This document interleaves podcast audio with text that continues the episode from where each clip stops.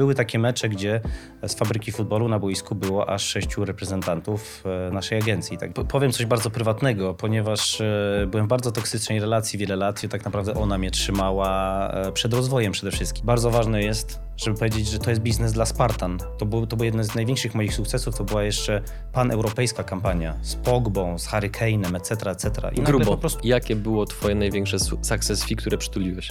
Największe success fee to 400 tysięcy euro. Jeżeli interesuje Cię biznes, przedsiębiorczość, pieniądze, zasubskrybuj nasz kanał i kliknij dzwoneczek. Partnerami przygód przedsiębiorców są IBCCS Tax, spółki zagraniczne, ochrona majątku, podatki międzynarodowe, Milky Ice. Tokenizujemy sprzedaż lodów w Dubaju i Abu Dhabi. YouTube dla biznesu. Wejdź na przygody.tv i zobacz, jak wiele mogłaby zyskać Twoja firma dzięki YouTube z naszą pomocą. Linki do partnerów znajdziecie w opisie filmu. Dzień dobry drodzy widzowie, Adrian Gorzycki, Przygody Przedsiębiorców.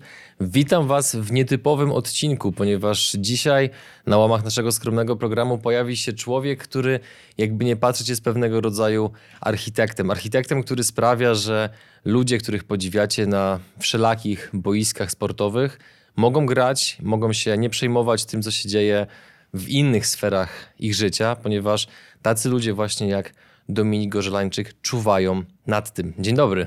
Dzień dobry, dziękuję bardzo za zaproszenie. Czy dobrze ci przedstawiłem? E, tak, wyjątkowo trafnie. Bardzo dziękuję. Czuję się dokładnie jak osoba, która e, no, raz, że zapewnia taki komfort w działaniu moich e, sportowców, można powiedzieć klientów, prawda? E, I zdecydowanie jest to bardzo nowoczesne słowo, ale architekt bardzo, bardzo do tego pasuje. Co dokładnie robisz, robicie, jaką firmę prowadzisz, prowadzicie oraz jakich sportowców obsługujecie, tak na wstępie? E, to znaczy, wszystko zaczęło się od agencji piłkarskiej Fabryka Futbolu i na kanwie tego sukcesu postanowiliśmy po prostu rozszerzyć e, swoje działania. Mówię o działaniach e, marketingowych, wizerunkowych, stworzyć kolejną instytucję Home for Sport, tworzyć również kolejną instytucję Fabrykę e-sportu, ponieważ mm, mając na uwadze to, że dużo, dużo, wiele, wiele zapytań mieliśmy od e-sportowców, żeby troszeczkę sformalizować ten rynek i w ogóle go po prostu uspokoić. Tak naprawdę ten, na dzień dzisiejszy można powiedzieć, że zarządzamy tymi trzema instytucjami, ale jednak core biznesem i najważniejszą instytucją, która to wszystko jakby uformowała, ukierunkowała i zbudowała te standardy, jest fabryka futbolu. Mhm. I kogo obsługujecie obecnie?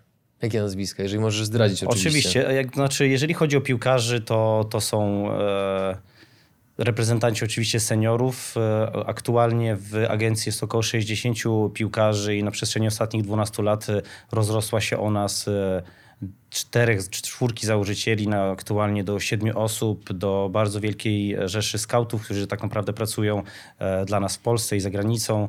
Bardzo ważny jest również rozwój w ogóle technologii we wszystkich usługach e, market transferowych przede wszystkim, które wpłynęły na rozwój całości. Bo im bardziej jest wyeksponowana dana e, dziedzina sportu, jak na przykład tutaj piłka nożna, która tak naprawdę na swój sukces pracowała już 100 lat, to się od razu przekłada na ekspozycję wszystkich, e, wszystkich sportowców tam. No, ja mogę podać przykładowe nazwiska reprezentantów Polski z mhm, Krzysztof Piątek, Jakub Moder, Jóźwiak, Tymoteusz Puchacz, Linety, Bereszyński, Kędziora to są takie nazwiska, które się pojawiają e, w, na zgrupowaniach e, w pierwszej jedenastce tak naprawdę.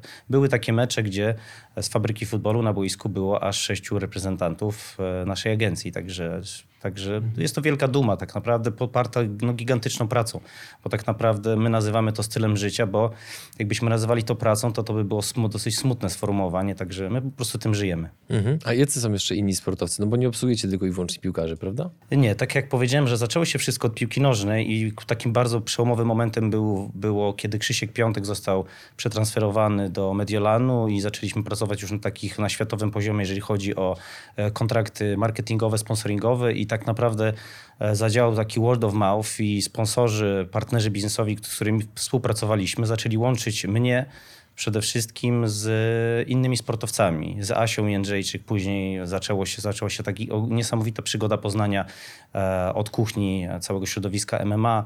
E, też poznania sponsorów, relacji, bo to już tak jak, tak jak wspominałem, że kluczowe, kluczowe w tym biznesie jest to i my mamy tą możliwość, żeby każdą kategorię sportu i każdy sport poznać od kuchni, bo wtedy możesz raz, że zdywersyfikować różne e, możliwości e, przychodów, aktywności dla, dla sportowca i tak naprawdę daje to niesamowitą łatwość później w podejmowaniu decyzji, bo poznajesz jego kalendarz, jego rytm cały przygotowań, tą dyscyplinę, którą ma na co dzień, bo to się bardzo, bardzo różni. Także nie można absolutnie szablonów nakładać, piłkarskiego szablonu na zawodniczkę MMA, czy lekkoatletkę, lekkoatletę. Także jest to bardzo zróżnicowane. I taką tak naprawdę ja zdecydowałem się, że poświęcę się e, temu, prawda? Mhm. Czy macie piłkarzy, macie zawodników MMA? E, kogo jeszcze macie? Jakie jeszcze grupy? To znaczy, bo, bo, to jest bardzo ważne, to jest e, też bardzo zróżnicowaliśmy sobie przede wszystkim usługi, ponieważ jest to w Polsce jednak jeszcze sport management to troszeczkę jest, no nie chciałbym nazwać dzikim z dziki zachód, ale to, to troszeczkę dobrze to pokazuje. Ponieważ rynek rozwijający rynek się. Rynek tak? rozwijający się, tak. Dlatego bardzo kluczowe jest to, żeby E, ułożyć sobie na początku relację z danym sportowcem, czy ktoś szuka asystenta, menadżera, czy partnera biznesowego, bo tak naprawdę na każdym etapie jego kariery on szuka kogoś innego. No, przyjęło się, że się szuka menadżera i jest to rzeczywiście duże uproszczenie, ponieważ jest to osoba, która zapewnia tobie komfort lub jest architektem pewnych działań marketingowych i konsekwentnie realizujecie ten sam plan, znaczy równolegle do planu sportowego realizujecie ten plan i to wtedy działa idealnie. Chcesz spotkać się z gośćmi wywiadów na żywo, w realu? To możliwe. Wpadaj na eventy przygód przedsiębiorstw przedsiębiorców. U nas nie ma sztampy i byle jakości. Są za to mega atrakcje, przemyślany networking, ogrom wiedzy i skuteczni przedsiębiorcy. Wejdź na stronę przygody TV slash kalendarium i sprawdź, gdzie wylądujemy następnym razem. A wy jesteście kim dla sportowców? Czy to też właśnie zależy od etapu jego rozwoju? Czy może jesteście wyspecjalizowani w jakimś konkretnym segmencie? Ta analiza, czego on, czego on lub ona potrzebuje, to to wynika z ja ten, ten etap lubię najbardziej, jest to taka tak zwana spowiedź, bo mówimy sobie zupełnie szczerze i transparentnie, na jakim etapie jesteś, co uważasz, a ja później po prostu na podstawie tych rozmów i też mm, zbadania tej, tej całej kuchni, tego sportu i biznesu, kwot, możliwości, jestem w stanie zaproponować dla danego sportowca jakąś ścieżkę rozwoju równoległego, bo czasami, e, tak jak mówię, to, no, to nie jest... E, Tutaj nikt nie ma różdżki, prawda, e, magicznej i to naprawdę jest bardzo dużo do przepracowania. Czasami sportowiec przychodzi za 5.12, czasami 5 po 12 i jest to jednak e, kluczowe, żeby mu uświadomić na jakim etapie jest i jakie są możliwości. Nie zawsze oczywiście to jest istotne, bo e, musimy się przede wszystkim czuć i nie zawsze podejmujemy współpracę. Pomimo to, że bardzo mi jest przykro, bo pomysł jest na każdego, jak ja to mówię, tylko po prostu kwestia zasobów i też kwestia chęci. Jak jesteśmy dziećmi, to yy, inaczej, jak byliśmy dziećmi, to każdy z nas mówił, że albo chce być strażakiem, e, lekarzem, żołnierzem i tak dalej.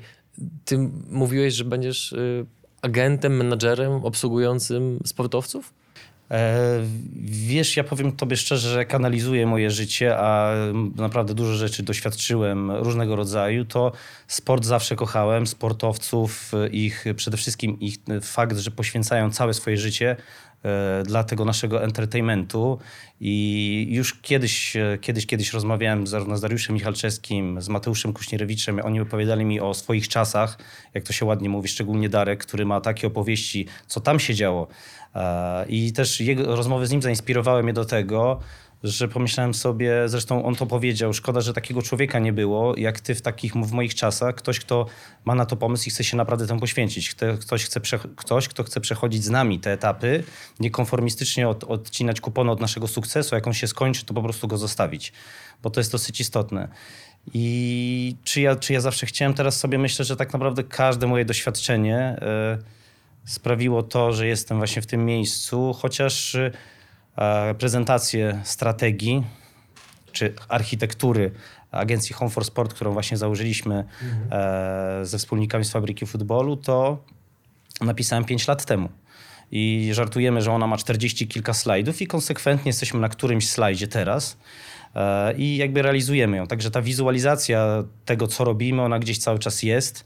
Jest ten jednak komfort, co powiedziałem, że My nie musimy markować pewnych kompetencji, po prostu do nich dochodzimy, e, analizujemy je i zastanawiamy się nad różnego rodzaju rozwiązaniami. Mamy tą możliwość, tak jak powiedziałem. Ja sobie na, na kanwie tych ostatnich pięciu lat jestem w stanie e, rozpisać 12 możliwości przychodów e, z w sporcie i konsekwentnie zrealizować tam, gdzie są po prostu dla nas naj, naj, największe benefity i dla sportowców, tak jak to jest mhm. najważniejsze. Oczywiście, bo moje pytanie miało na celu to, jak ty się w ogóle w tym segmencie znalazłeś, no bo jak ktoś chce zostać piłkarzem, idzie do szkółki piłkarskiej, ktoś chce zostać zawodnikiem MMA, idzie do klubu e, MMA, natomiast no, w jaki sposób wchodzi się w tak, mam wrażenie, specyficzny sektor, który, gdzie z jednej strony jesteś na styku mediów, pewnej rozpoznawalności, dużych pieniędzy, wielkich emocji, dużego biznesu, no bo coraz częściej się słyszy o tym, że sportowcy bardzo ochoczo inwestują czy w firmy, w nieruchomości bądź innego rodzaju aktywa, więc jak mówiąc tak kolokwialnie, wbiłeś się w ten rynek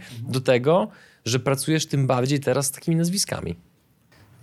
No ja myślę, że odpowiedzią jest też troszeczkę definicja szczęścia, czyli jeżeli to, to szczęście to jest, przy, jeżeli przygotowanie spotyka okazję i ja się do tego po prostu przygotowywałem, chociaż oczywiście szczęście, e, szczęście mm, szczęście, no to, jest, to jest ciekawe. Mnie po prostu zaproszono do, w pewnym momencie e, do, do, do, do rozmowy z właścicielami fabryki futbolu, którzy po prostu mi zaufali. Są to no, prawdziwi biznesmeni, którzy po prostu mają, jak to ładnie nazywają, czutkę do ludzi. I Przerwę ci znowu. Jak się przygotowywałeś, że cię zaprosili do rozmów? Jakby wybacz, ale muszę się A, dokopać dobrze. do tego. E, jak się przygotowywałeś, że cię dostrzeżono? To znaczy tak... E...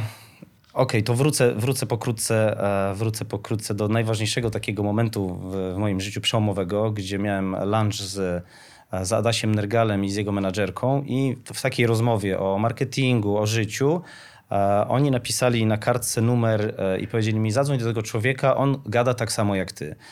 Ten, tym człowiekiem okazał się Tomek Pawlikowski, prezes zarządu grupy Publicis, czyli całego Mordoru. I Tomek jak mnie poznał, ja nie wiedziałem kto to jest, bo tylko miałem numer telefonu, powiedział, dobrze, wiesz co, co ty chcesz w życiu robić? Ja powiedziałem, że chcę być przy sporcie. On mówi, to fajnie, to ja cię tego nauczę. I konsekwentnie przez trzy lata realizowałem projekty w Publicis Group takie i ze sportowcami, używając sportowców jako narzędzi komunikacji różnych marek, czyli poznałem tą kuchnię, i w pewnym momencie e, poznając e, Tomka Kłosa, który, który po prostu mnie polubił, powiedział Domino, e, oni muszą ciebie poznać. Fabryka futbolu musi cię poznać. Oni są teraz w bardzo ważnym momencie i szukają partnera. Także spotkaliśmy się, Tomek Magdziarz, który jest właścicielem fabryki futbolu, współwłaścicielem z Przemkiem Erdmanem. No tak naprawdę po jednej rozmowie Tomek powiedział, dobrze, ja ciebie czuję, my chcemy z tobą pracować, ale my nie szukamy pracownika, my szukamy partnera. Także musisz od razu po prostu jedź, lecisz do Krzyśka Piątka, do Mediolanu, o tak. Także i w kolejny weekend już byłem u Krzyśka. Nie mogę powiedzieć, że e, nie stresowałem się. No właśnie, jak to wyglądało tak no, od kuchni emocjonalnie? Wspominam to, wspominam to, ja to w, czy w stresujących, czy w takich ważnych momentach oglądam zawsze zdjęcie dzieci. E, I tutaj też oczywiście musiałem zobaczyć najpierw zdjęcie dzieci, no bo tak naprawdę na sportowców patrzyłem zawsze jako fan. E, na hymnie płakałem, etc. No tak jak każdy fan, który lubi... Przeżywałeś to głęboko. Bardzo. I tutaj po prostu wzniosłem się na wyżyny dyplomacji, e, przetrwałem. Było bardzo sympatycznie, bardzo dobre wrażenie. Później to mi powiedział, że wywarłem. E, przede wszystkim byłem spokojny, profesjonalny, wiedziałem, co mamy zrobić. Też, tak jak powiedziałem, ja znałem tą całą kuchnię marketingową, bo realizowałem wiele projektów na bardzo wysokim poziomie, ze sportowcami, ale tak naprawdę z ich menadżerami. Już nawet tu wiedziałem, jakie są błędy w komunikacji i menadżerowie, którzy się nie przygotowywali tej roli bycia menadżerem sportowym, bo to też jest ważne, żeby, żeby to powiedzieć. W tym momencie mogę, e, w tym momencie ja rozmawiając z domami mediowymi, oni się wręcz mnie pytają czasami, czy ja mogę poprowadzić negocjacje z danym sportowcem, bo tam jest menadżer, no, który nie do końca nawet tej nomenklatury dobrze używa. On nie wie, co trzeba zrobić, nie jest elastyczny w tej rozmowie, jakby skupia się na kwotach, nie skupia się na rozwiązaniach. Także, także szczęście, troszeczkę przygotowania, ciężkiej pracy i no, też odpowiedni ludzie, też, których spotkałem na swojej drodze. Ale to nie było, to nie jest wszystko takie łatwe, to jest, to jest no, kawał, kawał po prostu roboty. I, ale to chyba też przekonuje moich sportowców. Mamy podobne, podobne podejście. Oni do sportu, ja do pracy. Po prostu ją wykonuję, czy pada deszcz, czy pada śnieg, czy cokolwiek, czy jestem zmęczony. Bardzo mi się podoba podejście e, Pudziana do roboty. On po prostu robi te rzeczy. On się jakoś tak na tym za bardzo nie rozwodzi. I dokładnie my mamy tak samo. Ja tak czuję swoją pracę jak oktagon. Zawsze żartujemy z Asią Jędrzejczyk, że tak, że tak trochę jest. Mhm. Co, co wy dokładnie robicie? No bo znowu Gdyby zapytać przeciętną osobę, co robi tego typu agencja, menadżer, agent, bo zakładam, że wielu ludzi często używa tych słów jako synonimy, prawdopodobnie niesłusznie, ale to też jest na tyle hermetyczny świat, że jak sam mi powiedziałeś jeszcze przed wywiadem, no niewiele jest informacji o ludziach z tego sektora, który wy reprezentujecie w internecie. Więc na czym dokładnie polega wasza praca? Czy to jest tak jak na filmach, typu był taki chyba film, jak dobrze pamiętam, Gol się nazywał, o tym piłkarzu, co w Newcastle grał, że, że, że, że agenci to są głównie się sprowadzają do tego, żeby właśnie negocjować kontrakt, potem go podpisywać. Czy co, co wy dokładnie robicie? Bardzo ważne, na- w ogóle z, chciałbym powiedzieć odnośnie tej hermetyczności tego świata. To jest też nie bez przyczyny, ponieważ e, zaufanie to jest kluczowe i nie zrekrutujesz nikogo z zewnątrz do, do opiekowania się sportowcem, ponieważ w pewnym momencie wiecie o sobie bardzo, bardzo dużo i musicie do tego podejść z wielkim dystansem. E, Przede wszystkim e, może to się wydawać dla dla słuchaczy w cudzysłowie dziwne, ale jednak e, poczucie humoru, dystans do życia, dystans do stresu i problemu jest bardzo kluczowy i też kwestia nie patrzenia się na sportowca jako fan. I sportowiec wyczuwa to od razu, że jeżeli jesteś jego fanem pracując z nim, to już nie pracujesz z nim. On daje tobie swoje osiągnięcia sportowe, swój wizerunek i ty ty już masz wiedzieć, co z tym zrobić, absolutnie go się nie pytać. Ty masz pewne rzeczy inicjować, proponować, masz być pewny siebie, dokładnie tak jak on wychodzi na boisko, bo performance sportowy i twój performance tam właśnie reprezentujący jego, podpisujący kontrakty w imieniu musi być bardzo podobny. On daje tobie pewien komfort, ale ty jesteś też jakby synonimem jego statusu. Czyli jeżeli moi sportowcy jakby cieszą się, że ja w ich imieniu idę i są spokojni i wielokrotnie sponsorzy, jak podpisywaliśmy kontrakt, się pytają, a jak to jest, że on czy ona nawet nie czyta tego i się patrzy na ciebie podpisując. Ja mówię, tak to dokładnie jest, bo po prostu mamy do siebie zaufanie, prawda? I też oczywiście dużo o tym rozmawiamy, co, co to, czym ten tra- kontrakt jest dla ciebie. Dlaczego taka kwota, a dlaczego nie większa, dlaczego nie mniejsza, dlaczego taki zakres, co, co, co to nam przede wszystkim da. Prawda? Bo to bo bardzo kluczowe w budowaniu czy wizerunku, e, bo to też jest dosyć duże słowo. Wizerunek mm, jest wielowymiarowy, ale bardzo ważne, żeby tą, e, jak to się ładnie mówi po angielsku, identity, czyli tą tożsamość drugą troszeczkę wyciągnąć ze sportowca, bo z całym samym sportem nie będzie żyć cały czas. I to jest kluczowe, żeby równolegle wykonać tą pracę. Jakby takim role modelem dla całego świata sportu, szczególnie jakby naszego lokalnego, jest Asia Jędrzejczyk, która wykona tytaniczną pracę przez ostatnie 4-5 lat i nie ma czegoś takiego jak emerytura dla Joanny Jędrzejczyk. Jest po prostu y, bardzo płynna zmiana etapu. Po prostu jest jeden etap się zaczyna, a on tak naprawdę się nawet nie, nie kończy. To jest tylko znowu nomenklatura, która jest smutna. Emerytura, koniec, nie ma czegoś takiego w tym świecie, jeżeli wykonasz tą pracę oczywiście. Czego jeszcze nie, powinny, nie powinien robić ktoś, kto wykonuje taką funkcję jak ty? Co jest absolutnym faux pas, co jest zakazane, niewłaściwe, nie jest niemile widziane? Wiesz właśnie, czego nie powinien robić. Ja to się skupiam na tym, co powinien robić. Powinien się przede wszystkim bardzo rozwijać. E, Co po- to znaczy? W, Powinien jakim, w, jakim, w jakim segmencie, w jakich segmentach? E, zarówno jeżeli chodzi o trendy, te właśnie marketingowo-wizerunkowe, e, na pewno e, musi być osobą, która jest ws- wsparciem, ale w tym sensie, że jest w stanie się wypowiedzieć e, na, na wiele rzeczy konstruktywnie, co można, można użyć takiego sformułowania, nie wiem czy trafnego, człowiek renesansu. Musisz być oprócz tego, że potrafisz się bardzo skupić na, na wykonaniu swojej roboty, to możesz godzinę czasu być w tym swoim oktagonie negocjacyjnym, ale wyjść i w delikatny sposób komunikować pewne rzeczy. I też proszę, proszę zwrócić uwagę, z jakimi ja osobowościami różnymi pracuję. Nie ma tego samego komunikatu dla tych osób, jeżeli nawet chcesz im powiedzieć to samo. To jest naprawdę bardzo kwestia też doboru słów, czyli musisz po prostu przede wszystkim, tak jak mówię, się rozwijać w tej komunikacji. Lub, lub może, e, odpowiadając na to pytanie, musisz być ekspertem komunikacji, prawda? Ale bardzo otwartym na inny światopogląd, nie blokującym się, absolutnie nie myślącym, też, też czującym, że może ktoś ma gorszy dzień, podchodzącym z empatią, bo to nie chodzi o to, żeby się challenge'ować, bo my tu jesteśmy po to, żeby im pomagać, prawda? To jest, to jest bardzo ważne. Także, a są to osobowości też oczywiście, które czasami chcą zdominować rozmowę, e, zdominować ten układ cały, w którym jesteśmy. To jest też naturalne w człowieku. To są też przede wszystkim młodsze od nas osoby, którzy są, którym, które bardzo dużo poświęcają swojego czasu, życia i mają prawo też do gorszego dnia. Czy ja mam prawo do gorszego dnia? Moi sportowcy uświadomili mi, że tak. Bo ja przez wiele lat myślałem, że ja nie mogę mieć gorszego dnia. Prawda? No ale okazuje się, że po prostu mogę. Jak ci to uświadomili? Po prostu mi to powiedzieli, że robisz za dużo. Zrób po prostu sobie, czy jesteś w stanie sobie zrobić przerwę? Ja, a ja oczywiście się śmiałem, mówię, że no jak ja przerwę? Czy ja mogę sobie przerwę zrobić? Na przykład dwie godziny na leżaku to jest mój urlop. Nie, nie, nie, masz się po prostu od nas wyłączyć, nie odzywaj się do nas. W sensie, że po prostu my wiemy, że jakby wiemy, co robisz jakby i zrelaksuj się po prostu. Czyli w ogóle też mówili to mnie to, co ja do nich. Czyli I like to practice what I preach, mówią. To po prostu jeżeli nas uczysz tego, to po prostu sam to też rób.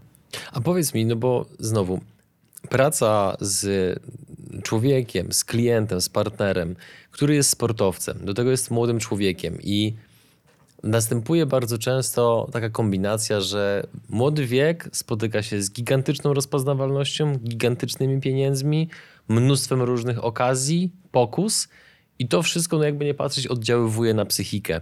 Jak z takimi sportowcami, z takimi ludźmi się pracuje? Jak to wygląda od kuchni? To są przeważnie dojrzałe rozmowy, czy są to czasami bądź często rozmowy pełne e, emocji, impulsów? Jak to wygląda od kuchni? Mm, muszę przyznać, że te, ten, te zderzenie e, każdego sportowca z takimi dużymi pieniędzmi E, one jest podobne. Jest to, jest to jakby, no jest to dosyć duża zmiana, bo stać się na wiele, wiele rzeczy, tylko dalej jesteś w tym drillu sportowym. Także bardzo ważne, to są dojrzałe rozmowy, bo raz, że się nie mają gdzie spieszyć, nie muszą tego od razu upłynniać, mogą spokojnie jakby mają od nas, że jeżeli chcą, żeby, żebyśmy wyeksplorowali pewien rynek, otoczyli się skonsultowali się z jakąś dziedziną, czy to nieruchomości, startupy, czy założenie własnego biznesu, na to naprawdę my to zrobimy od początku do końca. Wystarczy taki komunikat i impuls. E, I różne są historie z e, do, do, najlepiej to widać oczywiście wśród piłkarzy, gdzie rzeczywiście te skoki zarobków w momencie transferu za granicą są ogromne, ale nie zmienia to jakby ani ich podejścia do ludzi, ani ich podejścia do świata. E, no po prostu nagle już jesteś na tym poziomie i, jesteś. Jedyne co, czasami trzeba jakby o tym, o tym rozmawiać, bo to też jest bardzo przyjemne, żeby uświadomić e, jakby sportowcom, jakby skąd wyszedłeś. Bardzo fajne jest to, żeby rozmawiać, jak ta droga się zaczęła, bo tak naprawdę jak analizujemy to troszeczkę, z kim pracujemy i z kim się bardzo dobrze dogadujemy, to wszyscy jesteśmy z małego osiedla którzy po prostu gryźli piach, pewne rzeczy zrozumieli i nagle pojawiła się autorefleksja w życiu, nagle pojawił się cel wyjście poza nawias i, i, jesteśmy, prawda? I dlatego, dlatego też to też jest kwestia tego, tego sukcesu. No też już się nie muszę bać powiedzieć tego, co jakby, które odnosimy, ale tak naprawdę naj, naj, najlepsze rzeczy są przed nami, bo się cały czas rozwijamy. My tak naprawdę jesteśmy trochę jak Krzysztof Kolumb, my tam po, po ten horyzont płyniemy i mamy, mamy, tak jak powiedziałem, te swoje cele które konsekwentnie realizujemy. Ile lat robisz to, co robisz? E, w tym biznesie jestem akurat 5 lat, ale drugie tyle się do tego przygotowywałem. Mhm. Także jeżeli miałbym. Przepraszam. Mhm. No i teraz, bo to jest wstęp do tego właściwego pytania. Mm, jak rozmawiałem z naszym mm, serdecznym wspólnym kolegą Łukaszem Zaborem Zaborowskim, pozdro Łukasz, to wiele dobrego mówił mi na Twój temat. Natomiast żeby reprezentować poziom, który ty reprezentujesz obecnie pod kątem profesjonalizmu, tego, że pracujesz z takimi nazwiskami, e, gdzie umówmy się, nie wierzę w to, że w, ty, w tej branży z takimi nazwiskami pracujesz przez przypadek albo fart. Bo wydaje mi się, że tak jak sportowcy, którzy osiągają bardzo duże wyniki, tak samo przedsiębiorcy, którzy osiągają bardzo duże wyniki, na pewnym pułapie ci ludzie stają się bardzo wymagający a propos tego, kto jest w ich najbliższym otoczeniu. No i teraz przechodząc do puenty tego pytania.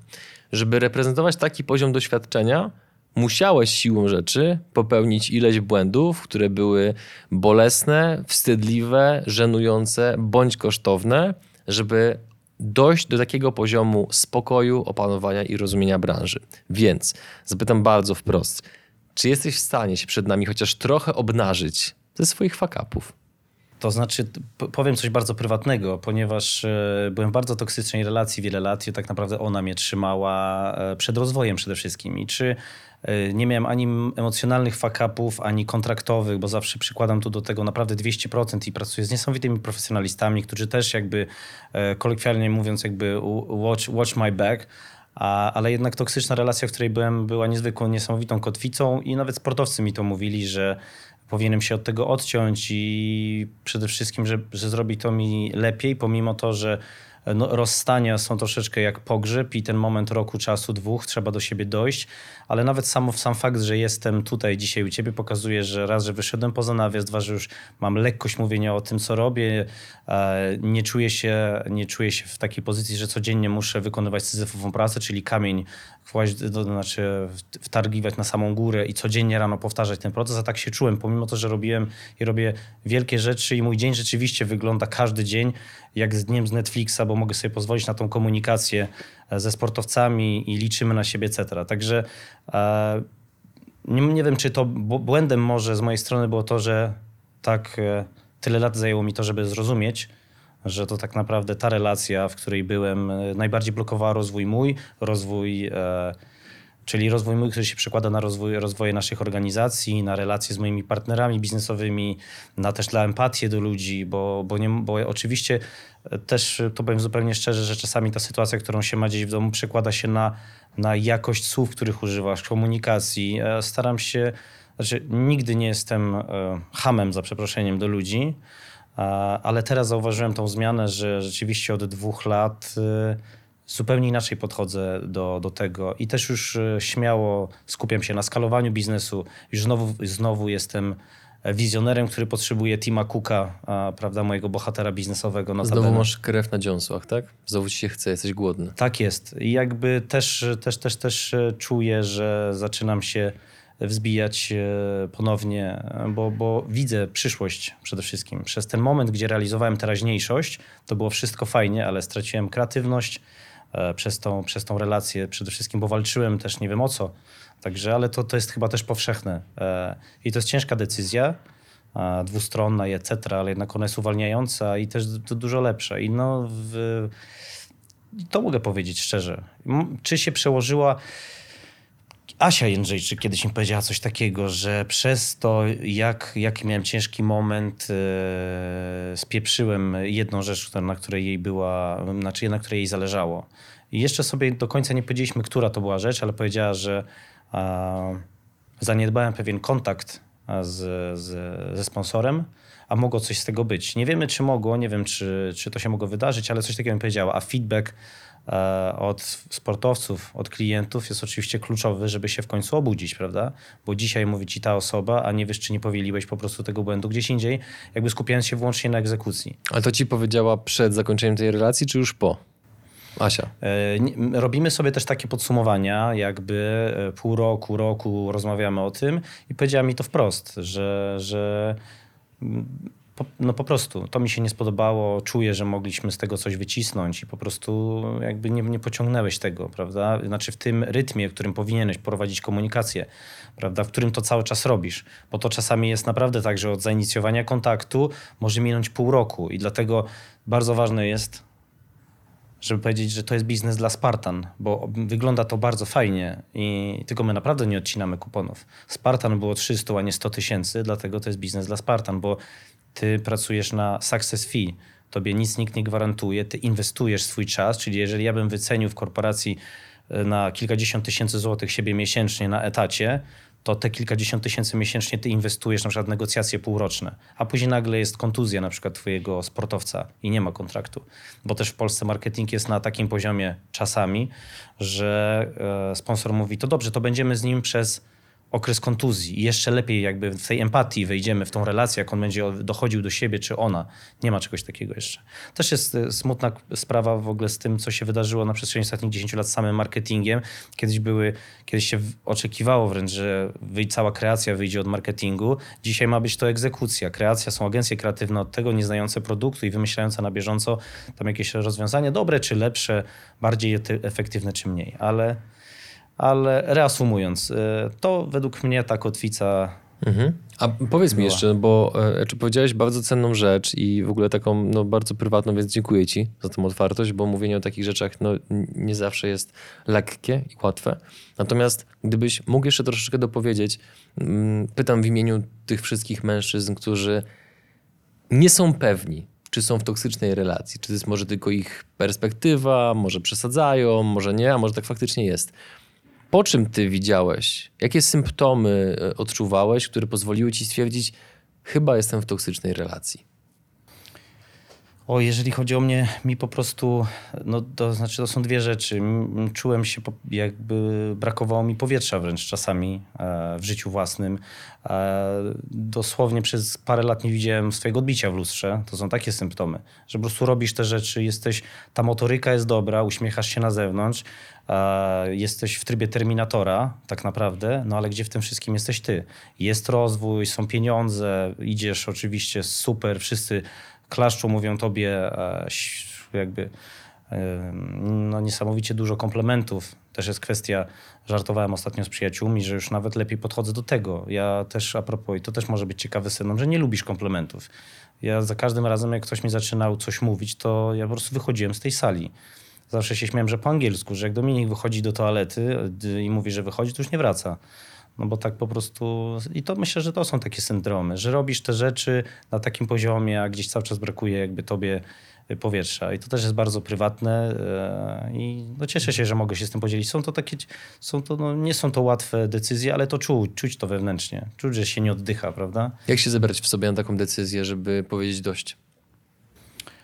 No to jest, e, no takie decyzje są, e, jak to, to musi być to jest troszeczkę jak z tym przebudzeniem, że jednego dnia wstajesz i po prostu to jest jak Hiroshima. To, to jakby, mm, przepraszam za tą analogię, jest to, jest to może niestosowne, ale jest to takiego rodzaju w głowie coś, co musi być, jakby to trzeba zacząć od nowa. Bo to naprawdę, that's enough.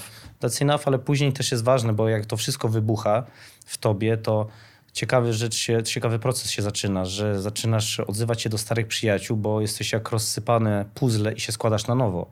Od ludzi, którzy byli dla ciebie życzliwi, którzy bardzo dobrze o tobie mówili kiedyś nawet. Mogły, może to być ludzie z podstawówki, z liceum, którzy są zaskoczeni, że chcesz się zobaczyć, bo naprawdę chcesz się poznać od nowa i poskładać do tego człowieka, którym byłeś jakby z, sprzed wielu lat, pozytywnym, sięgającym jakby, e, nie mającym granic przede wszystkim.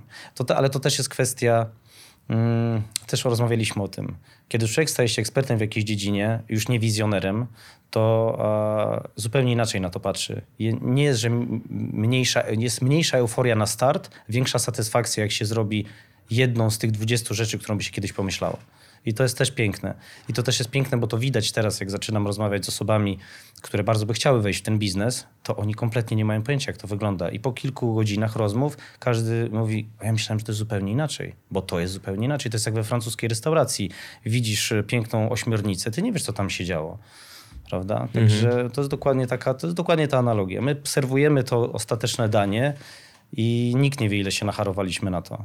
I dlatego też jest często do menadżerów, tylko dokończę, do menadżerów jest e, takie, takie spostrzeżenie, że albo jesteś z rodziny, albo po prostu ktoś cię tam wrzucił, albo robisz to, bo nie wiadomo, nie wiesz, co w ogóle robisz, a jak w ogóle już zaczynasz brać udział w, w rozmowach na temat strategii brandu i w, w koptowania i dobrze ambasadora, etc., etc., że nagle jakby bierzesz udział czynny w spotkaniach działu marketingu, to oni się zastanawiają, skąd ty to wszystko wiesz prawda? No bo tak menadżer nie powinien w sumie wiedzieć tych rzeczy.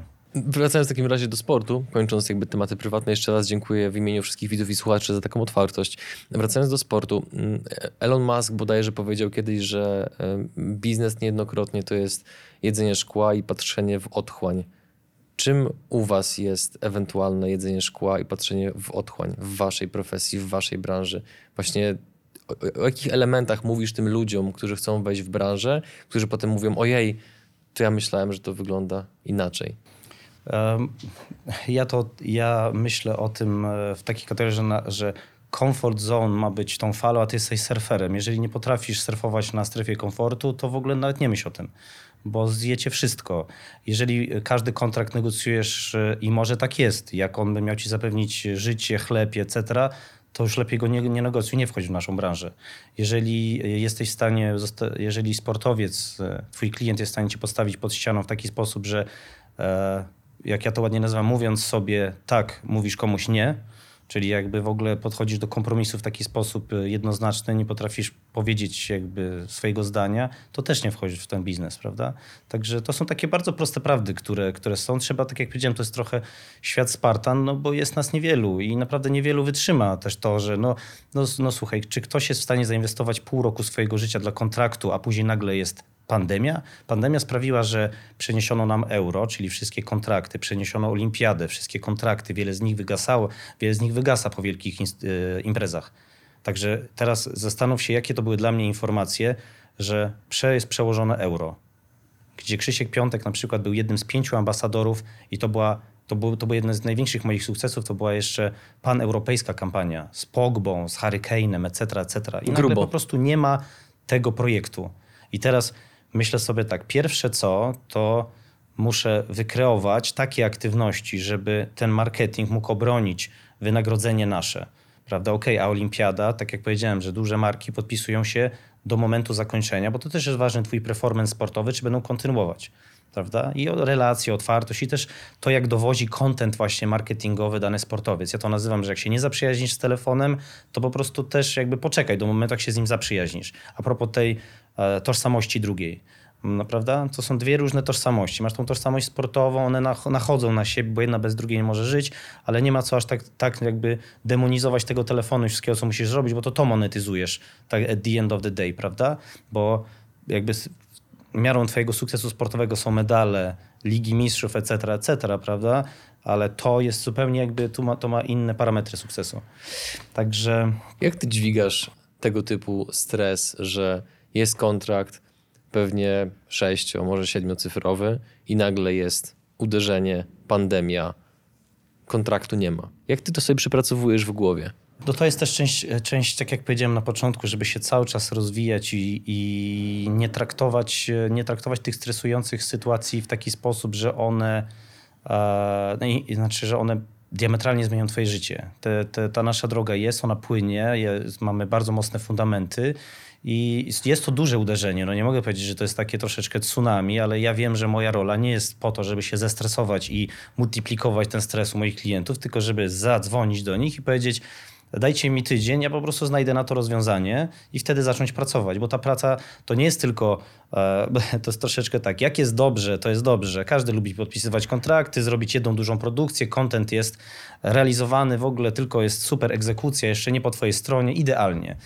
E, ale to też jest ta część pracy, prawda? Nagle musisz sobie, ok, czyli rok czasu praktycznie e, sponsorzy nie będą płacić a ty, żeby nie mm, popsuć sobie z nimi relacji, no to po prostu to e, jakby okej, okay, mówisz, nie ma, nie ma problemu. Jesteśmy w stanie jako instytucje, nasi sportowcy przetrwać ten rok, prawda, żeby, żeby dla, dla lepszego raz, że dla lepszego raportu z, z, z daną marką, etc., dla przyszłości przede wszystkim, bo tak jak mówiliśmy na początku, jeszcze nie jest poukładany w e, ten rynek teraz, prawda? Czyli to, co my się dzisiaj nauczymy jako, instytu- jako ludzie instytucje, umówmy się, bo nie jest nas dużo i każdy po prostu oczywiście jest jakby oddzielną firmą jeszcze w firmie.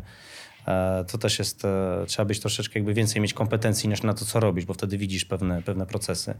Jakby na tym, co my się dzisiaj uczymy, na tych najbliższych 5-10 latach skorzysta kolejne pokolenie sportowców i to już skorzysta w zupełnie inny sposób mhm. prawda? Także i też sportowcy dzisiaj są tego świadomi, z którymi ja pracuję. I też, przepraszam, powiem ostatnią rzecz, bo to bo akurat już jestem w tym e, bicie swoim. E, my dużo rozmawiamy na temat samych kontraktów. Jesteśmy bardzo transparentni w tym. Dużo w tym sensie, że a co powiedziałem, po co jest tobie ten kontrakt, jak to wygląda. E, ponieważ niektórzy sportowcy, którzy mają 18 lat, e, mówią, to co ja będę robił, robiła po karierze. E, ja myślę sobie, jeżeli poznasz tą wiedzę marketingową, to dlaczego nie możesz być dyrektorem marketingu jakiejś znanej, znanej marki? Sportowcy są bardzo fajnie moralni w biznesie, bardzo. Im pewne rzeczy nie trzeba tłumaczyć, a mają niesamowite wyczucie do bullshitu, niesamowite. Po prostu jak widzą, że ktoś e, od rzeczy albo ktoś ma jakieś intencje, oni po prostu to czują. No bo w ich dziedzinie jakby nie patrzeć, albo masz efekty, albo ich nie masz. Dokładnie. Nie? To, nawet, to chodzi już nawet o intencje, bo to też jest troszeczkę tak, że jeżeli komuś ufasz, to dasz mu się nawet chwilkę nauczyć. Jeżeli ktoś powie, słuchaj, e, no nie umiem tego, ale za miesiąc już będę to potrafił. E, otoczę się ludźmi, zrealizuję jakiś projekt i razem przejdziemy przez to, już za rok będziemy mądrzejsi o to, mhm. o to duże doświadczenie. Mhm. Ja akurat nie mam problemu, żeby powiedzieć komuś, że czegoś nie potrafię, bądź potrzebuję chwilki, żeby się tego nauczyć. E, to też jest chyba, to też ta transparentność, prawda, co, co mówimy. Bardzo proste i bardzo precyzyjne i bezpośrednie pytanie. Jakie było twoje największe success fee, które przytuliłeś? Kwotowo? E, największe success fee to 400 tysięcy euro. To konkretny pieniądz. Y, no tak, akurat bardzo duża kampania, ale też y, partner z zagranicy, bo to też jest bardzo ważne. Mhm. Tutaj dotykamy też bardzo ciekawego aspektu odnośnie e, monetyzacji miejsca, rynku monetyzacji w ogóle wizerunku. Bo jeżeli sięgniesz po partnerów z UK, e, to masz przede wszystkim płacone wszystko w funtach, w euro, etc. I to też jest znowu ciekawa, ciekawa dywersyfikacja przychodów każdej agencji, która na lokalnym rynku dostanie 100 tysięcy, a na rynku zagranicznym 100 tysięcy euro, tu 100 tysięcy polskich. Także tam akurat było rozliczenie w euro i było to bardzo, bardzo, bardzo, bardzo duża kampania która była też e, wielkim sukcesem w ogóle, negocjacyjnym przede wszystkim, bo my prowadzimy, bardzo ważne, my prowadzimy też te procesy formalne, czyli jeżeli się nas pytają o draft, to tak naprawdę cały brief wychodzi ode mnie, co tam ma być, my wysyłamy go nawet, nawet jak pracujemy z agencjami z Anglii, to, to my wysyłamy cały draft. To my to wszystko robimy. Muszę Cię poinformować o czymś, czego wcześniej nie było w naszych wywiadach. Stwierdziliśmy, że to wprowadzimy i dzisiaj będziesz naszym królikiem doświadczalnym. A mianowicie przygotowaliśmy coś w stylu takich trochę pytań pod włos i mamy dwa. Jesteś gotowy na pierwsze? Ja. Menadżerowie powtarzają, że to sport jest zawsze najważniejszy, ale patrząc z zewnątrz na ten świat można odnieść wrażenie, że jest nieco inaczej. Ważni są sponsorzy i partnerzy, nie zawsze dobro zawodnika. Co sądzisz o opiniach w stylu jako menadżer, zwłaszcza od spraw marketingu, nie popracujesz zbyt długo w branży, jeśli będziesz patrzył przede wszystkim na sport, a nie pieniądze?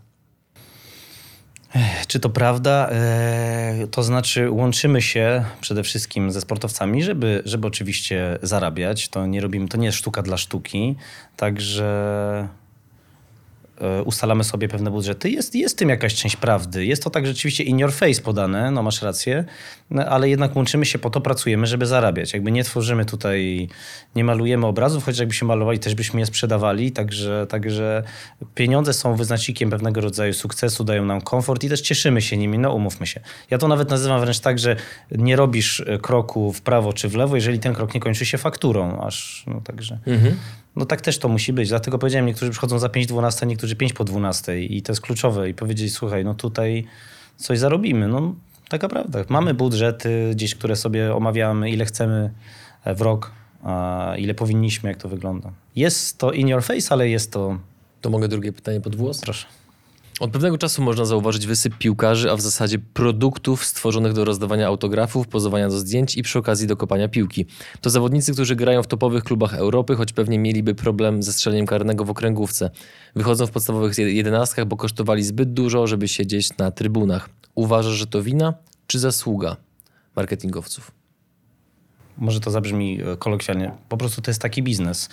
Ta wartość już dzięki, dzięki internetowi, marketingowi dla klubu jest nie tylko wartością sportową, wartość sportowa jest najważniejsza, ale to nie chodzi na to piłkę nożną. Czy to jest federacja UFC, czy to jest federacja KSW, czy to jest piłka nożna, czy to jest ekstraklasa, może jeszcze ekstraklasa nie, nie jest jeszcze tak rozwinięta jakby ta świadomość. Mm, komunikaty do sportowców są dosyć jasne, prawda? To jak się sprzedajesz jest bardzo ważne dla nas, dla federacji. E, I oczywiście dołóż tutaj ten aspekt sportowy, który jest kluczowy. On jakby tak jak mm, no, to są takie realia. Może, może być czasami sytuacja, że ktoś e, rzeczywiście ma tak mocny wizerunek, bo tak na niego nas zapracował, umówmy się, bo to też jest ważne.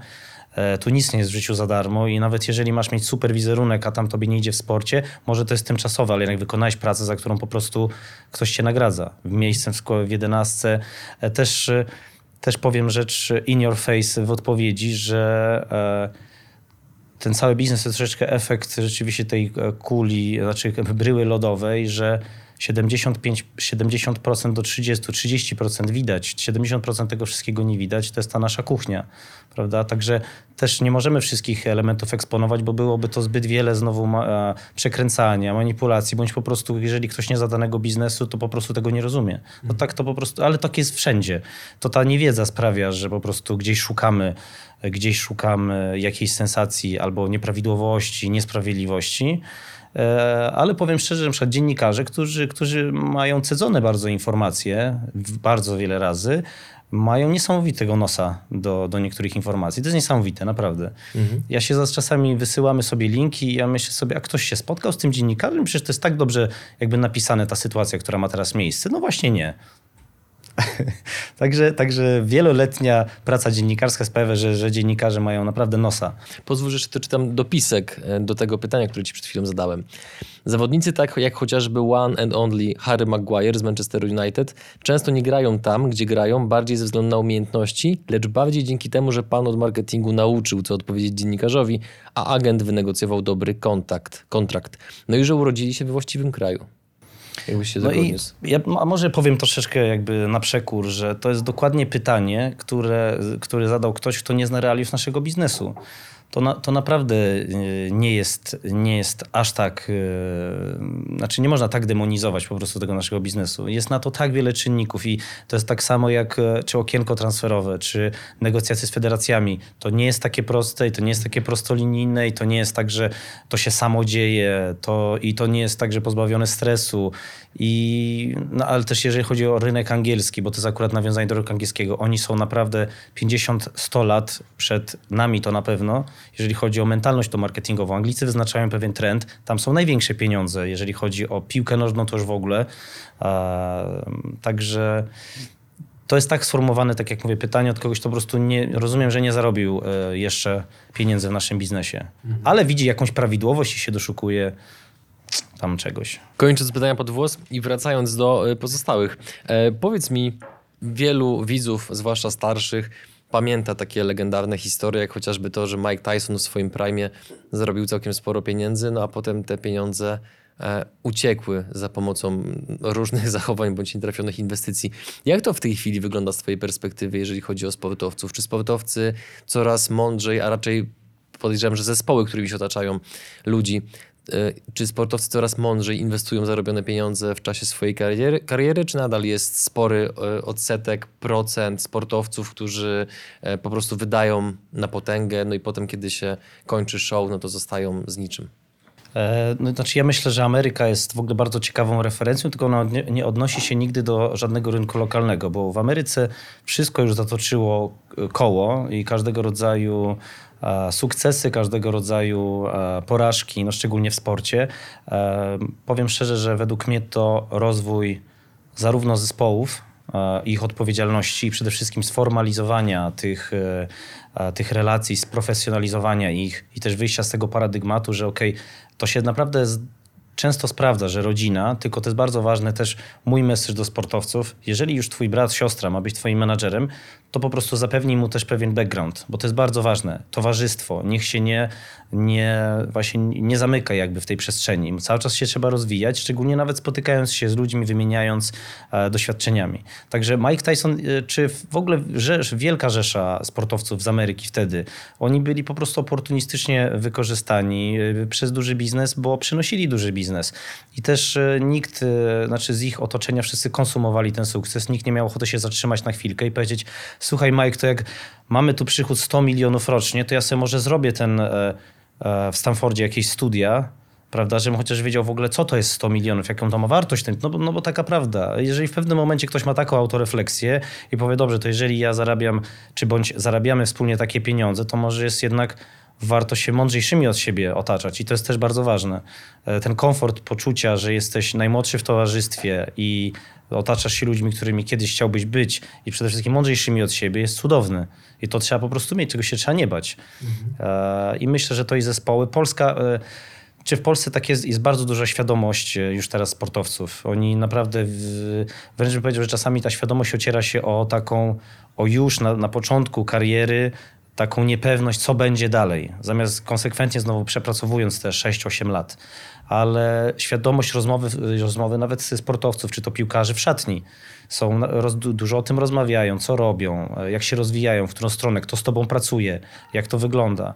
I już się tego nie boją. I to, to wszystko jest znowu kwestia, że wyszliśmy troszeczkę z Polski. Um, otarliśmy się o różnego rodzaju biznes, o różnego rodzaju mentalności.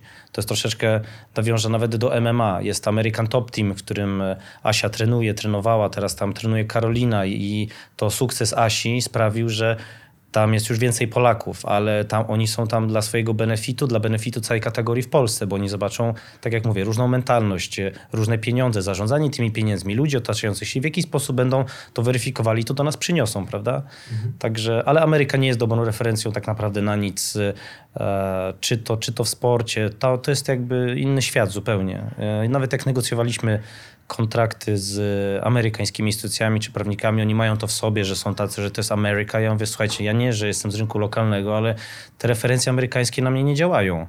One są wszystkie jakieś 15-zerowe, inne rzeczy. Przede wszystkim też oni jakby mówią o kwotach, których ich nie dotyczą, no bo tych, co to dotyczą, oni o tych i tak nie mówią o kwotach. Mhm. Jak oglądałem jakiś czas temu film e, o Elvisie, nie wiem czy oglądałeś. Tak, cudowny. Znakomity, prawda? A czy, wiesz co, powiem ci, że mnie e, naprawdę wręcz powaliła końcówka. Nie będę spoilerował, drodzy widzowie, jeżeli macie czas i ochotę, to polecamy wraz z Dominikiem, żeby obejrzeć. Ale wiesz, mnie, mnie poraziło to, że tak jak powiedziałeś, no Elvis podobnie jak inni sportowcy, w tym przypadku on był akurat artystą, on też był ofiarą tego oportunistycznego podejścia dużego biznesu. I zobacz, jeżeli to był i jest nadal najlepiej sprzedający się artysta wszechczasów, który, który był zamknięty w złotej klatce przez tyle lat, to co by było, gdyby on mógł realnie fruwać, nie? Ale do czego zmierzam? E, wielokrotnie od różnych osób, a propos artystów, słyszałem, że takim powiedzmy najbardziej aktywnym pod kątem przedsiębiorczości, inwestowania w Polsce pośród komików jest Rafał Pacześ. Wiele osób mi to po, po, powiedziało. E, natomiast z Twojej perspektywy, kto jest najbardziej poukładanym biznesowo, finansowo sportowcem w Polsce, bez podziału na kategorie sportowe? Kto jest takim absolutnym wzorem, na który wszyscy powinni patrzeć, bądź wszyscy mówią o tej, o, o tej osobie w szatni, że ona naprawdę ogarnia swój hajs? Um, to znaczy, my w Polsce lubimy mieć z każdej z kategorii sportu takiego jednego bohatera i tak jak jest w piłce Robert, e, tak jak jest w MMA Asia i już teraz Jan, prawda? Jak e, no, w tenisie ten sukces Igi, czy wcześniej Agi tak naprawdę, która utorowała tą całą drogę, bo to jest ważne, całej kategorii, to my mamy takie, takich bohaterów, którzy zaczynają. Jest Marcin Gortat, który też świetnie sobie radzi, bardzo sobie to fajnie pokłada, bardzo świadomie przede wszystkim i też w ogóle z, z ekipą, którą no, wychowywał się i z którym stworzył po prostu naprawdę, dał im niesamowite opportunity, które oni wykorzystali. Także jest, jest kilku tak naprawdę sportowców, którzy już to, już to działają. Tak jak powiedziałem, jest e, no, sportowców, czy może sportowych influencerów. Jest e, Ewa Chodakowska, która świetnie sobie też radzi, ale na przykład on, ona ma świetnego małżonka, który rzeczywiście tam zarządza tym biznesem, prawda? Jest Ania, która też sobie świetnie radzi, Ania Lewandowska i też jest power couple, bo rzeczywiście się uzupełniają. Oj, tak. Każdy pomysł mają zinstytucjonalizowany, co jest bardzo ważne, tylko też już trzeba mieć kogoś, kto te instytucje ogarnie, już nie tylko pojedyncze projekty. Ale to są takie rzeczy, jakby kroki milowe, które i to, to jest, umówmy się, to już jest taka ultra top liga i jakby na nich można rzeczywiście patrzeć, nie zapominając o tym, jaką drogę przeszli i ile rzeczy trzeba zrobić. I też przede wszystkim, jaką trzeba mieć konsekwencje w zarabianiu tych pieniędzy, prawda? Ale no, e, uważam, że tak, tak, to tak jak powiedziałem, jest Asia, Jędrzejczyk, Jan Błachowicz, jeżeli chodzi o, o tutaj środowisko MMA, o tak można nazwać, jakby też troszeczkę upraszczając, żeby może łatwiej. Robert, który wyznacza już własne standardy, tak jak ja to mówię, od jednego do Roberta. Już są po prostu takie standardy w jego tutaj tej kategorii, ale, ale bardzo sobie dobrze radzą, uważam. Tylko kwestia, żeby...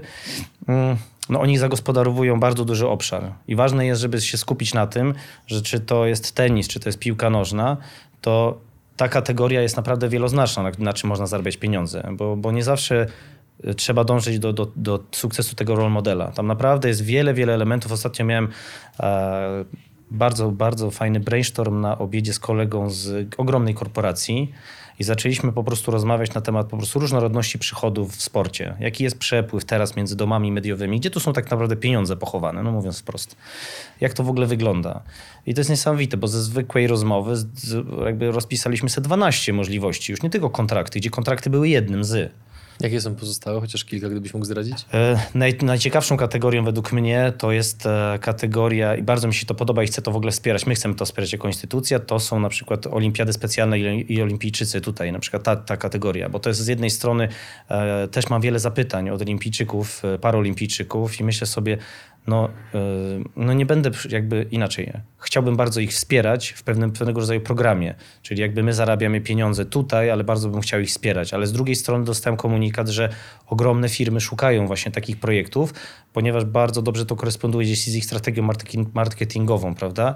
Gdzie nigdy... wizerunku, rozumiem, tak? Tak, tak, tak, ale wizerunek w tym sensie, żeby pokazywać jednak, teraz jest też taki trend, żeby wyeksponowywać już nareszcie, jak widzę, jak widzę sesje zdjęciowe, to nie są ludzie idealni, których jest naprawdę mało, to są po prostu ludzie normalni, prawda? I to jest super trend. Ten kolega zresztą uświadomił mi, że mówi, ale nie bój się tej kategorii. Nie myśl sobie, że prezentowanie na przykład y, olimpijczyków, czyli ich wspieranie paralimpijczyków, to jest, to jest jakby, to tak nie wypada. Że to jest jakaś ujma. Nie, nie że ujma, tylko że, nie, że na przykład sprzedawanie tego wizerunku, to to po prostu, że, że, to, że, to, że to nie jest tak. Właśnie to jest odwrotnie. Taki jak coś jak ala, ala greenwashing na przykład. Tak, tak? że właśnie, mhm. żeby się, że czuj się z tym tak samo komfortowo, bo, tak, bo, bo ja mówię, a może stworzymy lepiej program i będziemy po prostu jakby, jako, jako agencja Home for Sport, będziemy im wspierać, bo ich potrzeby nie są duże, ale bardzo dla nich ważne.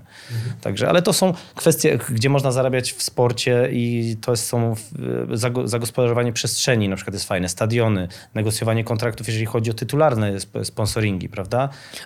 Pozwól, że zadam mhm. bardzo kontrowersyjne pytanie, które trochę mi teraz podsunąłeś, jakby nie patrzeć. Czytałem już w kilku różnych miejscach, że Netflix bardzo mocno zmienia swoją strategię produkcji treści z tego powodu, że tak mocno lansowana od wielu lat różnorodność, pilnowanie tego, żeby w każdym filmie była każda rasa, wyznanie, orientacja seksualna i tak dalej. Biznesowo to się za bardzo nie spina. Oczywiście tutaj nie chcę za bardzo wchodzić w szczegóły, bo za chwilę się tutaj odpali cała powiedzmy e, sekcja ludzi, którzy są ekstremalnie LGBT-friendly i chcą wręcz wszystkim narzucić ten sposób myślenia. Ja się nie wypowiadam w tej kwestii. Moją rolą jest tylko i wyłącznie przedstawianie informacji i wydobywanie odpowiedzi od Was, od naszych serdecznych i e, znamienitych gości. Więc jeżeli byśmy zrobili analogię, że ta poprawność polityczna, która była na siłę wtłoczona na przykład do produkcji Netflixa, nie sprzedała się za bardzo, nie przyjęła się w szerokim gremium, gdzie ludzie być może przy stole mówią, że tak, różnorodność, tolerancja i te wszystkie rzeczy, ale potem zaciszu domowego ogniska, kiedy mają podjąć decyzję konsumencką, jednak na przykład wybierają film, gdzie jest biały mężczyzna, który ma 40 lat, nie? E, to czy podobnego, czy, czy podobny mechanizm nie ma szansy wystąpić w tym segmencie, o którym mówisz, że wszyscy mówią tak, paraolimpijczycy, super pomysł, a koniec końców mówiąc brutalnie i wprost, to jest pytanie, nie stwierdzenie, i tak nikt nie będzie ich oglądał. Wiesz, powiem tobie szczerze, zacznę może od tego, jak, jak te osoby w ogóle definiują wolność. Czy wolność to jest to, że możesz robić co chcesz, czy wolnością jest to, że nie robisz to, na co nie masz ochoty? A druga sprawa jest taka, że to wszystkie te trendy i ekspozycja różnego rodzaju zachowań czy społeczności, to, to w ogóle wszystko wynika z badań. Takie duże, takie duże korporacje zamawiają ogromne badania na społecznościach i tak naprawdę naciskają przyciski, starają się przynajmniej, żeby powiększać pewne kategorie, nie patrząc na razie, czy właśnie zmniejszy to jakby ogólną, ogólną oglądalność, czy przede wszystkim e, no, percepcję tych stałych klientów. To jest, jesteśmy teraz w bardzo ciekawym momencie, gdzie e, bardzo łatwo stworzyć pewnego rodzaju pseudorewolucję, czy to w Instagramie, czy etc., po prostu dając tylko jeden, jeden impuls, tak jakby wszyscy na to czekali, prawda? Gdzie on jest jeszcze podany w bardzo prosty sposób, on nie jest przeanalizowany, jest też bardzo mało ekspertów. A teraz, tak jak nawiązałeś, to e, z jednym z moich sportowców e, lecę w, w czwartek, to znaczy tak jak my rozmawiamy dzisiaj, to lecimy na e, Prague Pride, bo bardzo chcę to zobaczyć, bo tam będzie konferencja TikToka między innymi, który bardzo chce wejść w sport. I pomyślałem sobie, że nie ma nic lepszego jak porozmawiać z CEO TikToka. Akurat no nigdy nie widziałem takiej takiego eventu i tak jak powiedziałem, mieć możliwość zobaczyć wszystko od środka, od strony organizacyjnej, coś pięknego. To mi dużo więcej da niż stanie tam na ulicy i machanie jakąkolwiek flagą, bo to jest znowu kwestia tych ludzi, jak oni identyfikują wolność, prawda? Czy wolnością jest, e, to jest troszeczkę tak, jak zadajesz mi pytanie, to czy ja mam prawo powiedzieć nie, czy tylko tak? Bo to jest istotne. Czy to jest, bo to chyba jest troszeczkę, zadając pytanie, musisz wiedzieć, że ktoś ci powie nie też, prawda? Czy zrealizujemy to, czy to jest kontrakt dla mnie? Nie, po prostu. I jakby przyjmij to tak samo, jakbyś przyjął tak. Także ciekawy teraz jest moment. Zauważam to w mm, taki shift w stronę, czy to jest women empowerment, czy to jest LGBT, e, ta różnorodność, którą się dziś stara nam pokazywać. Ciekawe, że o tym mówisz, bo wczoraj, wczoraj w ramach relaksu oglądałem Netflixa, jest jeden serial i naprawdę mnie to y, znaczy uderzyło w tym sensie, że jeszcze nie widziałem serialu, w którym byli wszyscy. Właśnie było wszystko dokładnie o czym mówisz, prawda? W jednym pokoju byli wszyscy bohaterowie i każdy był z zupełnie innej grupy. Nigdy czegoś takiego nie widziałem, prawda? I jedyne co było rzeczywiście takie, że to było coś nowego. I wiem, że to jest. Y, też, też nie możemy, wydaje mi się, myśleć, że to jest dobre czy złe. No chwilkę musimy dać temu poddychać, bo to jest troszeczkę jak z Instagramem. Nie wiesz, jakby jakie konsekwencje dla, dla nas, jak, jak ludzie za 20-30 lat będą oceniali nas. Przedostatnie pytanie. Co według Ciebie jest rakiem polskiego sportu? Powiem tobie, że nie zauważyłem jeszcze takiego trawiącego nas od środka e, gdzieś, gdzieś, gdzieś, gdzieś zła. Myślę że, myślę, że ta euforia, która też jakby dotyczy sportu teraz generalnie i to, że ta kategoria, wszystkie kategorie się rozwijają, to jest tylko impuls. Może no, czy przywykło się mówić, że gdzieś w ryzach cały czas w rozwoju trzyma nas ta stara gwardia, cokolwiek to znaczy, ale, ale tendencje są jednak te tendencje odśrodkowe i to, co jakby my mamy do przedstawienia sportowcom i zmiana jest przede wszystkim... E, Oddolna? Oddolna. My tacy, ja, ja, kiedyś też weryfikując to, od, od, czego ja powinienem zacząć, żeby zmienić sport w cudzysłowie, czy po prostu w danej kategorii standardy, no to wiedziałem, że one, one jeżeli one są jeżeli sportowiec nie jest do nich przekonany i on na przykład powie, nie, nie, nie, ja chcę z nim pracować i w takim standardzie, to no to to się nie stanie, bo nie możesz iść do, znaczy możesz, ale jeżeli pójdziesz do właściciela klubu, właściciela federacji i powiesz, co ty chcesz zrobić dla sportowców, nie, nie, ty się spotykasz ze sportowcami i konsekwentnie z nimi przepracowujesz. I dlatego, tak jak mówię, od mniejszych po większe rzeczy, od poznania tego całego rytmu tych e, zawodów, gry, etc., etc., bo to wszystko ma taki swój rytm, swoją nomenklaturę ludzi, sposób komunikacji, życia, śmierci, etc., także... A nie, nie uważasz, y, bo to jest też częsty zarzut wobec piłki nożnej, że piłka nożna w Polsce jest y, przefinansowana, że jest w niej potworna ilość pieniędzy względem wyników, które osiągamy, chociażby na tle siatkarzy czy piłkarzy ręcznych? To jest kwestia, e, tak, jak, tak jak mówiliśmy na początku, tej ekspozycji tego sportu i też e, zwróć uwagę, że na Stadionie Narodowym, e, jak jest 61 tysięcy osób, to piłkę nożną ogląda hokeista, tenisista, siatkarz, wszyscy. Także piłka nożna jest łatwo konsumowalnym sportem, jest sportem narodowym wielu, wielu narodów i zasłużyła sobie na to przede wszystkim no, komercjalizacją, dostępnością i też jest bardzo ważne, ile dzieciaków zaczyna trenować i też tą zbudowaniem całej logistyki, jak zacząć, jak pomagają. No jest to, jest to łatwo, znaczy łatwo, łatwo konsumowalny sport tak naprawdę. I to, to co powiedziałem, że wszyscy oglądają piłkę nożną i ona sobie to naprawdę wypracowała. Rzeczywiście zgadzam się, że no te różnice są bardzo duże, tylko to też nie jest nie możemy w, każdej, w, każdej, w każdym aspekcie życia znowu doszukiwać się jakby takiej unifikacji, to po prostu się nie stanie. E, piłka nożna na to zapracowała, tenis sobie na to zapracował. No, jakby na zawodach tenisowych jest cztery razy mniej e, jakby widzów, ale ci widzowie mają 100 razy więcej pieniędzy niż na przykład odbiorcy innego sportu. No tak to wygląda. Czy ja zawsze jak słyszę tego typu pytania, przy najczęściej jakimś grillu i tak dalej, to zawsze mówię ty, ale słuchaj, to jest tak, tak, to tak samo jakby zapytać z pretensją, dlaczego e, restauracja serwująca bardzo zdrowe i wysokiej jakości jedzenie wegetariańskie czy wegańskie ma mniej klientów niż jedna z najpopularniejszych sieciówek fast foodowych na świecie, która po prostu w nasze organizmy pompuje syf, mówiąc, mówiąc wprost. Ale przechodząc do ostatniego pytania. Aha, jeszcze a, a propos piłki, to też taką słyszałem jedną ciekawą odpowiedź, że popularność piłki wynika z szeregu różnych elementów, ale najbardziej wedle opinii tej osoby z dwóch. Po pierwsze, jest to sport, w którym nie potrzebujesz za bardzo jakiegoś specjalnego sprzętu, żeby grać. Wystarczą dwa kamienie, coś przypominające piłkę i de facto możesz z automatu grać. To jest pierwsza rzecz, a druga rzecz jest taka,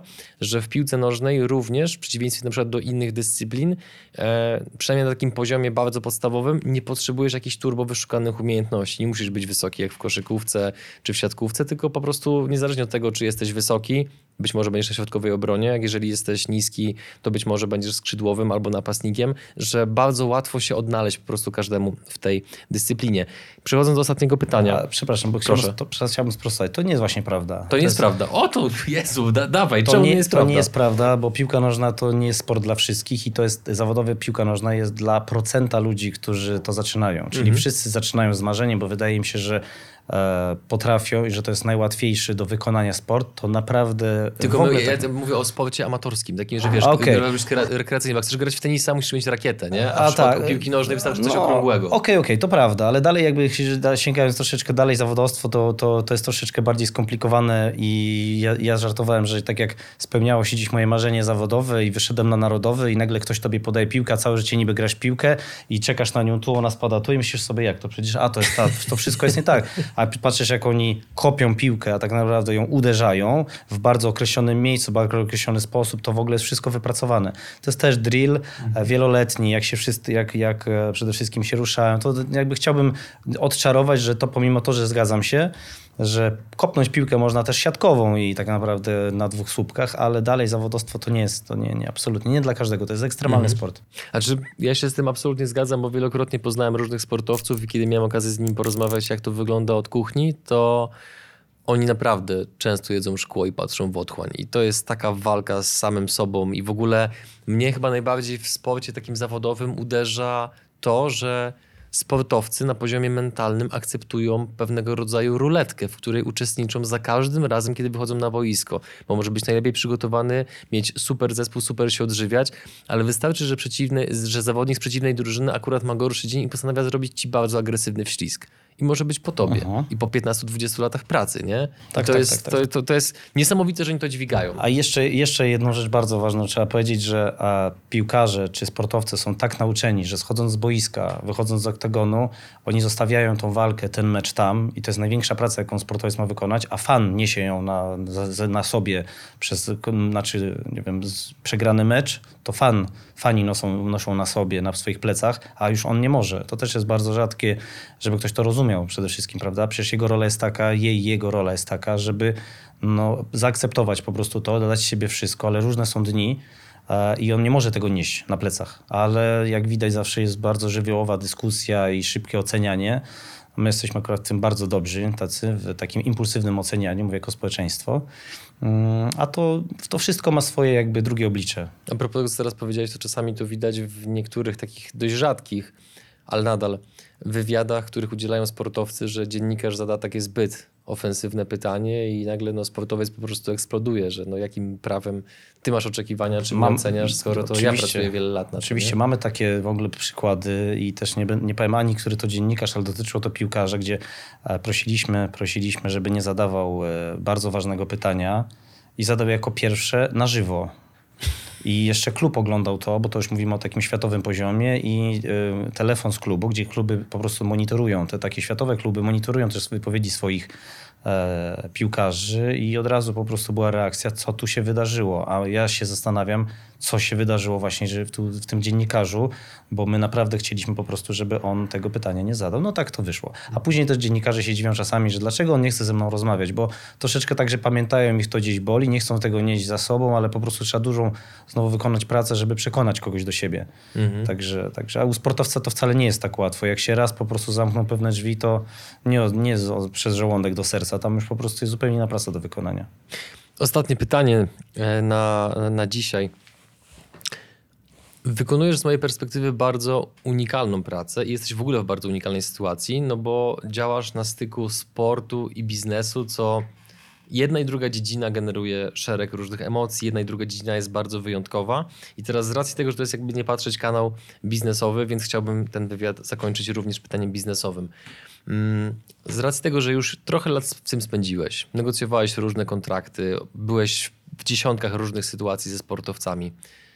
Czego normalny polski przedsiębiorca może nauczyć się ze sposobu myślenia, działania, rozumowania, analizowania sportowca, który okej, okay, może nie ma czasu, żeby czytać tyle biznesowych książek, jeździć po konferencjach, zarządzać zespołem i zdobywać w boju te kompetencje, ale zakładam, że pewne mechaniki przeniesione ze świata sportu, z boiska do biznesu mają absolutnie szansę zadziałać. Więc jakie zachowania, jakie sposoby postępowania ty widzisz u sportowców, które polski przedsiębiorca warto, żeby chociaż rozważył, aby przenieść do swojej firmy, do swojego życia? No najważniejsza jest ta dyscyplina, rzeczywiście, którą mają sportowcy, ta zdrowa rutyna, w której są.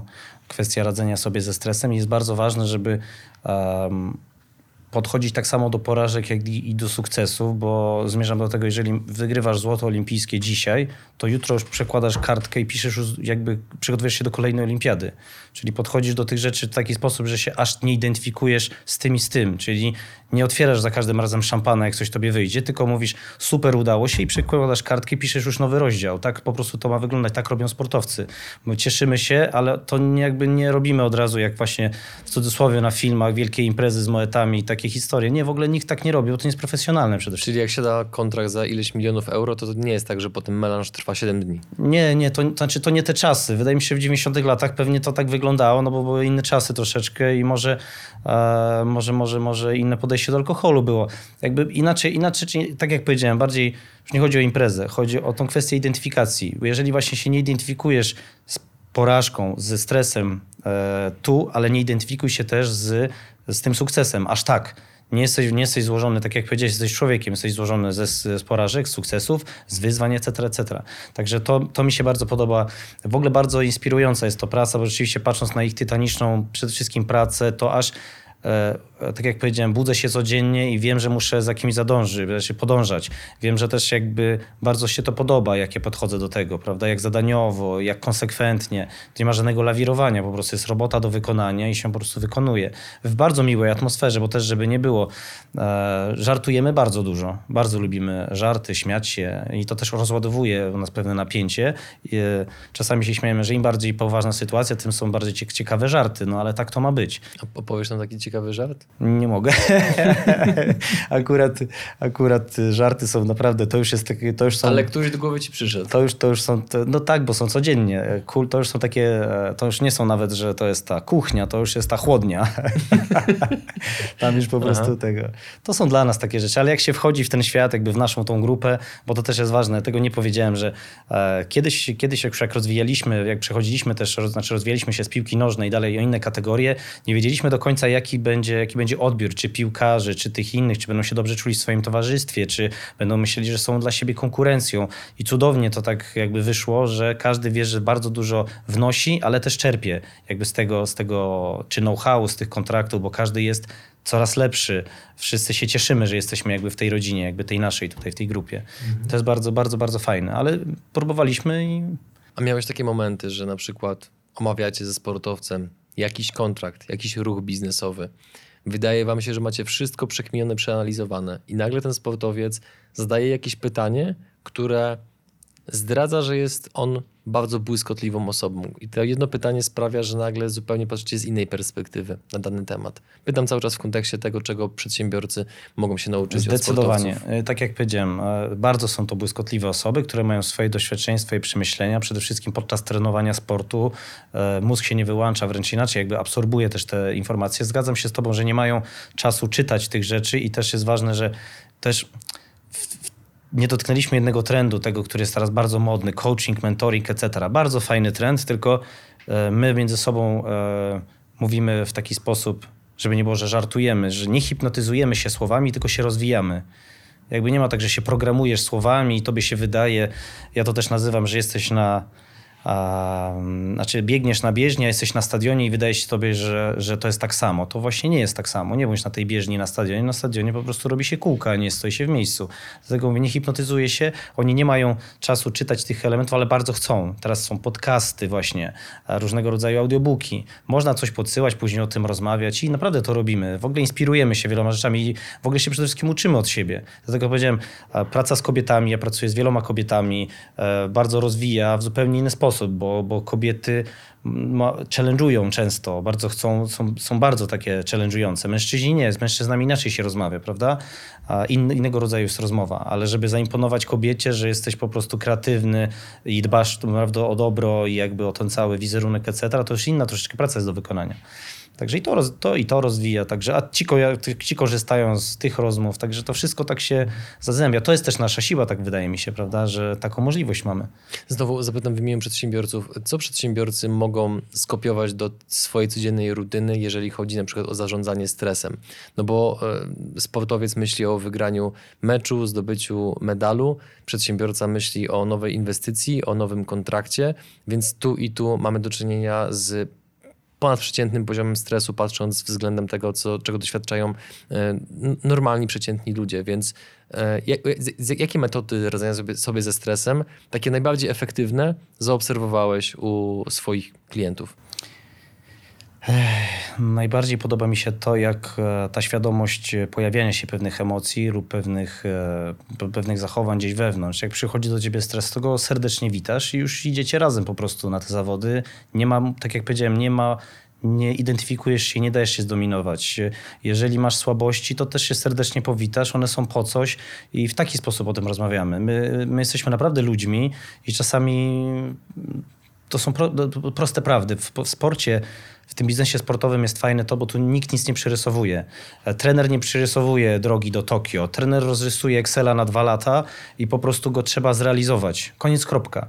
I jakby te, te rzeczy a propos czy stresu, one przychodzą do każdego przecież, prawda? Ja idąc do ciebie, też y, byłem w parku z moim stresem na spacerze i było bardzo sympatycznie. Nic się nie wydarzyło tak naprawdę. Nie? Dzisiaj zaraz wyjdę i znowu będzie życie szło swoim torem, tak jak ja to będę chciał. A czy będzie, czy teraz na przykład jak rozmawiamy, nie mam 100 telefonów do odebrania i jakieś górę problemów, to jest okej, okay, to się przecież rozwiąże. E, też w ogóle polecam a propos naszego wspólnego tutaj kumpla Łukasza, to e, góry są w ogóle bardzo ciekawym miejscem, gdzie jak jesteś rzeczywiście na, na wierzchołku i wszystko uspokaja się w tym momencie, pojawiają się pewne rozwiązania, ale wszystko jest czasowe. To naprawdę to rozumiesz. Każda duża rzecz dzisiaj, która cię przygniata, ona tylko cię przygniata dzisiaj przez najbliższe miesiące. Nic nie przygniata całe życie, chyba że chcesz. Kończąc wywiad, stawiając tutaj kropkę, bo idealnie, dosłownie idealnie zakończyłeś tę rozmowę. Chciałbym Ci podziękować za e, Twoją otwartość, Twój spokój, to, że nawet kiedy były może trochę mniej wygodne pytania i tak odpowiadałeś z klasą. Bardzo to szanuję. Rozmawiało mi się z tobą, e, Dominik, bardzo przyjemnie. Dziękuję, Dziękuję że przyjąłeś zaproszenie do naszego e, skromnego studia. Łukasz, pozdrawiamy cię, dziękujemy ci, że e, nas skojarzyłeś. I na, ostatnie pytanie na, na koniec. Jeżeli ktoś z naszych widzów, który jest być może aspirującym sportowcem, rozwijającym się sportowcem, albo być może z jakimś przedsiębiorcą, który na podstawie tego wywiadu widzi jakieś potencjalne pole do współpracy z wami, to powiedz na, na kontakt z kim jesteście otwarci oraz jak się można z wami skontaktować najlepiej. E, oczywiście, serdecznie zapraszam do kontaktu. E, naprawdę, znaczy najlepiej ze mną według mnie, czy przez Instagram, tam, tam jest mail, wszystko, czy przez Instagram agencji, jakby nie ma, żeby Jak na Instagramie się nazywasz? Dominik Orzelańczyk. Okay. Jest to najprościej jak może być i bardzo, bardzo, jeżeli ma być szczery, to tak jak mówię, jeżeli przesłuchacie tego wywiadu, weźcie do serca sobie po prostu te elementy, e, które, które, które gdzieś mówię. Jeżeli chcecie się spotkać, a tak jak powiedziałem, ta weryfikacja, ona jest, e, wyjdzie i tak w rozmowie, bo, bo entuzjazm jest entuzjazmem, to jest bardzo potrzebne, ale rzeczywiście to jest taki hard landing później, że trzeba sobie z tym poradzić, prawda? Mhm. I tyle. Ale, ale bardzo bym chciał poznać osoby, które by byłyby się do tego nadawały i mogły po prostu wnieść jakąś wartość do, tego, do zmiany tego sport managementu. Drodzy widzowie, słuchacze, dziękujemy Wam, że byliście z nami. Widzimy się w kolejnym odcinku. Dziękuję, Dziękuję bardzo.